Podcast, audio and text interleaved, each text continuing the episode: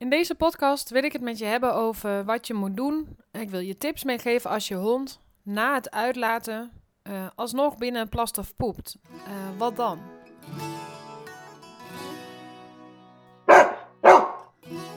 Dus je hebt, het kan zelfs zo zijn dat je net met je hond buiten bent geweest. Daar heeft hij twee keer geplast. Vervolgens kom je binnen. En misschien nog wel geen 10 minuten later plast hij alsnog weer op je vloerkleed of waar dan ook. Hoe kan dat nou en wat moet je doen? Nou, op de eerste plaats is het wel zo dat je hier heel veel over kan zeggen en dat dit een beetje maatwerk is. Maar dat betekent niet dat ik je in deze podcast niet mee kan nemen in mijn bevindingen en wat je hieraan zou kunnen doen. Um, er zijn altijd een aantal dingen waar je naar hebt te kijken. Um, en natuurlijk ook nog, hè, uh, hoe oud is je hond en uh, hoe ver ben je qua zinnelijkheidstraining? Wat heeft de hond allemaal geleerd? En ik denk dat het belangrijk is om. Uh, nou ja, daar, daar begint het natuurlijk mee. Als jij midden in je zinnelijkheidstraining zit, ja, dan gaat dit soms gewoon gebeuren en daar heb je mee te dealen. En ehm, dat betekent niet dat het, dat het dan daardoor leuk is, maar zit er niet te veel over in. Weet je, het is een beetje wel als je het kind hebt wat net een vieze luier heeft gehad en het is doorgelekt, of je hebt net de luier verschoond en hij is weer vies, ja, het, het hoort er een beetje bij. En dat gaat beter worden, zelfs als je er niet zo heel veel doet, behalve het de tijd geven en je dingen doet om, hè, dus de hond gewoon voldoende uitlaat en vaak de mogelijkheid geeft en, en dat soort dingetjes. Je hebt eigenlijk een aantal lagen aan te kijken, wat mij betreft. Wat mij betreft zit dat op uh, ook een stukje. Uh, je zou eens kunnen denken aan um, osteopathie of een fysiotherapeut. Hoe zit mijn hond er nou eigenlijk in? Of eventueel een dierenarts natuurlijk. Je zou eens kunnen kijken. Um, ik zeg de dierenarts als laatste, om, omdat een dierenarts wel kan. Maar als er bij de dierenarts niks uitkomt, medisch gezien, is dat voor mij niet meteen een reden om te denken, nou, er is niks. Um, soms kan het heel ondersteunend zijn om dan toch naar een osteopaat te gaan, bijvoorbeeld. Soms kan het zitten in voeding. Als we het hebben over poepen, er zijn honden die heel veel poepen en dat kan te maken hebben met voeding. Dus kwalitatief goede voeding geven aan je hond is een beetje een, uh, een beetje vage, vage term, want wat is dan goede voeding? Je zou bijvoorbeeld een voedingsdeskundige kunnen inschakelen. Zelf ben ik ook erg fan van de website voerwijzer.nl. Die geeft je al veel input. Veel poepen kan gaan over uh, voeding. En um, ja, als je hond veel moet poepen, dan kan het zijn dat hij een keer binnen poept. Als het gaat over uitlaten en plassen, kan het zijn dat jouw hond heel veel drinkt. Als die heel veel drinkt, dan heb je enerzijds dus weer te kijken naar je voeding. Het kan zijn dat er heel veel in zit, waardoor je hond heel veel gaat drinken. Maar misschien heb je ook iets medisch aan te kijken. Um, ik zou niet het water wegzetten, want het is een basisbehoefte van de hond. Dus dat kan je niet maken. Maar dan kom je wel een beetje in zo'n vicieuze cirkel terecht. Waarin de vraag is, waar kunnen we hem doorknippen om uit dat cirkeltje te, te stappen? Maar dan is wel de vraag... Um, ja, ik zou daar dan wel um, goed onderzoek gaan doen. Vaak is het zo dat je voeding aanpassen en aan de slag gaan met probiotica in heel veel gevallen ondersteunend is. Je kan dus ook echt een voedingsdeskundige benaderen om je hier verder bij te helpen. De hond, uh, de jonge hond, de pup, de volwassen hond, die ondanks dat je uit bent geweest, toch nog binnenplast, ja, dat kunnen verschillende dingen zijn. Het kan natuurlijk zijn dat als hij al een paar keer op dat vloerkleed heeft geplast, dat dat een beetje een dingetje is geworden. Dus dat op de eerste plaats. Maar het kan ook gewoon zijn, um, als jij een hond hebt die buiten overweldigd raakt door alles wat er is, ook al, um, laat ik zo zeggen, dan moet je dus wel goed weten wat de lichaamstaal van de hond is, om dat goed te kunnen interpreteren. En dat zeg ik er ook even bij, want het lijkt misschien alsof jouw hond juist overenthousiast is, overal naartoe wil. Maar dit kan ook gaan over een stressreactie die dit gedrag ontlokt. Dus het hoeft niet meteen de hond te zijn die met de staart tussen zijn benen buiten loopt. Wat hier belangrijk is aan om, om, om te weten is dat je hond um, om die redenen buiten wellicht niet plast. Er is geen ruimte voor, onvoldoende ruimte of hij plast niet goed leeg. Hij doet even kort zijn plasjes, maar niet echt. En vervolgens komt hij binnen. Binnen voelt hij zich veilig, dat is een veilige haven. Daar zijn al die prikkels niet. Gaat hij plassen op het kleed? Ja, de. Dan heb je eigenlijk buiten werk te verrichten om de hond zich buiten comfortabel te laten voelen. Je begrijpt ook dat je dan iets anders te doen hebt, namelijk de taal van je hond goed te begrijpen. Ik heb daar een lezing over, de lichaamstaal van honden. Die ga ik hieronder bij deze podcast ook even vermelden. Maar je hebt ook, um, ik heb de cursus ontspannen hond. Je hebt dus wat te doen aan het totaalplaatje van de hond, als dit de vraag is. Waarbij jij ehm, eigenlijk dat welzijn buiten gaat verhogen, zodat de hond zich emotioneel gezien buiten beter gaat voelen. Er zijn natuurlijk tal van manieren die je kan toepassen. Je kan ehm, de hond vaker uitlaten. Je gaat kijken naar of hij veel drinkt of niet. Je zou dat eventueel kunnen bijhouden. Je gaat kijken naar een stuk rust. Slaapt mijn hond voldoende? Zo niet. Hè, uh, voldoende slaap zit op 14 tot 16 uur gemiddeld genomen. Tuurlijk, het blijft maatwerk. Uh, bij een volwassen hond 18 tot 20 uur bij een pup. Oké, dat is best wel veel. Kom ik daaraan? Schrijf het eens op. Houd eens een paar dagen bij. Hoe kan je dat rekken? Heb je veel prikkels gehad? Wat ook heel erg kan helpen is niet van A naar Z lopen, maar gewoon je rondje lopen met je hond. Je volgt je hond, je hond snuffelt. Je houdt het veilig, maar als hij een keer de straat oversteekt en er komt niks aan, ja, weet je, wat maakt het uit? Ga je aan de overkant van de straat verder snuffelen? En zo hou je gewoon je omgeving in de gaten. Ik vergelijk het wel eens met een kitten. Zeker bij puppies zie ik dit veel. Met puppies hebben we toch vaak de neiging om ook gewoon even van A naar Z ons rondje te lopen. Zo'n puppy is totaal bleu. Um, de wereld is totaal overweldigend. Of de buitenlandse hond, hè, die komt in één keer hier in Nederland. Wij denken, oh, we gaan gewoon even dat rondje lopen. Misschien is die dan wel kort, maar het is niet zijn eigen keuze geweest. Als je dan gaat kijken naar die kitten.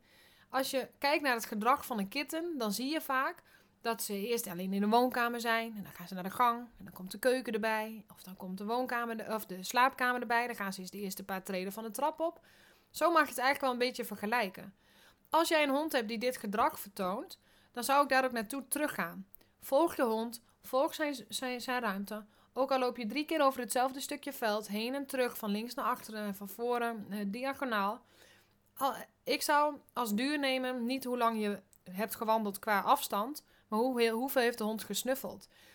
Dan gaat hij vanzelf zijn ruimte vergroten. En luister daar gewoon naar. Die andere behoefte is daarin niet zo belangrijk, want dat laat hij wel zien in zijn gedrag. Bijvoorbeeld als uiting om dan binnen weer te plassen. Moedig het plassen en poep ook aan. Als hij het dan doet, wauw, goed gedaan.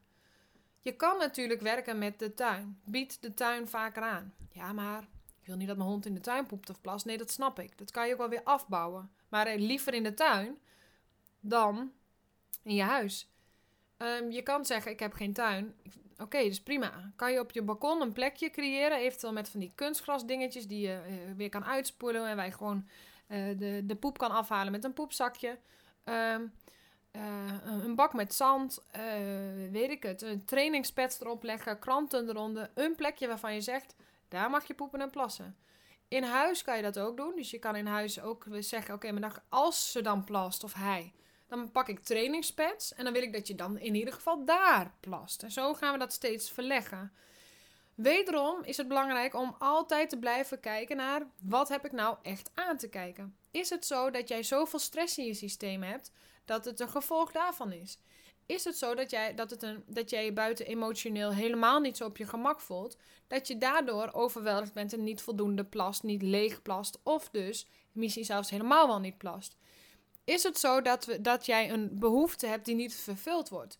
Lijkt het misschien zo dat jij overenthousiast bent, maar gaat het over een andere emotie? Die weliswaar dit gedrag ontlokt, maar hè, dat verschilt gewoon per individu hoe dat naar buiten komt.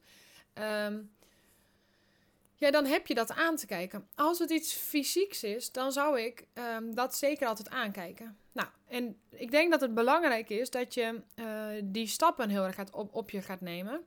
En um, het is bij dit soort dingetjes wel extra belangrijk om je hond echt uit te laten naar um, iedere vorm van opwinding die er is geweest. Dus je bent, uh, uh, er was even drukte in huis, of er is veel lawaai geweest in huis. Je hebt piano gespeeld, of de kinderen rennen door huis.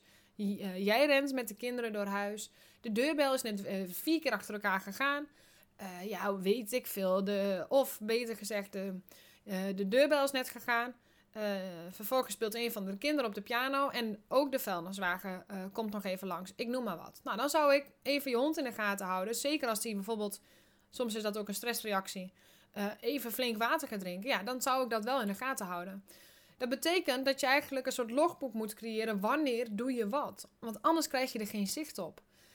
Soms is het gewoon zo dat je een beetje achter de feiten aanloopt. Dat gebeurt. Is inherent aan mens zijn en ja, daar kan je niet zoveel aan doen. Maar je kan wel kijken, hoe kan ik dit nou toch controleren? Met eigenlijk ook al de tips en de trucjes en de tools die ik heb gegeven. Maar hou er vooral rekening mee dat je echt naar dat totaalplaatje hebt te kijken. Want anders kan het zijn dat je misschien uh, iets doet waarbij je helemaal niet hebt gekeken naar wat nou echt de oorzaak is. En de vraag is altijd: wat is oorzaak en wat is gevolg? Is het plassen het probleem? Of is het plassen het gevolg van hoe de hond zich voelt, bijvoorbeeld buiten, of als reactie op een prikkel die een paar keer voorbij is gekomen? En dat soort dingetjes. Dus we kunnen hier ook loshalen dat het gaat over dominantie, over markeren of wat dan ook. Nee, het kan over zoveel meer gaan. Um, dan, ik zou je zeker adviseren om de cursus om ontspannen hond daarin te volgen. Um, uh, waarbij je uh, meteen leert over de lichaamstaal van honden, over dat wel welzijnsplaatje te verbeteren.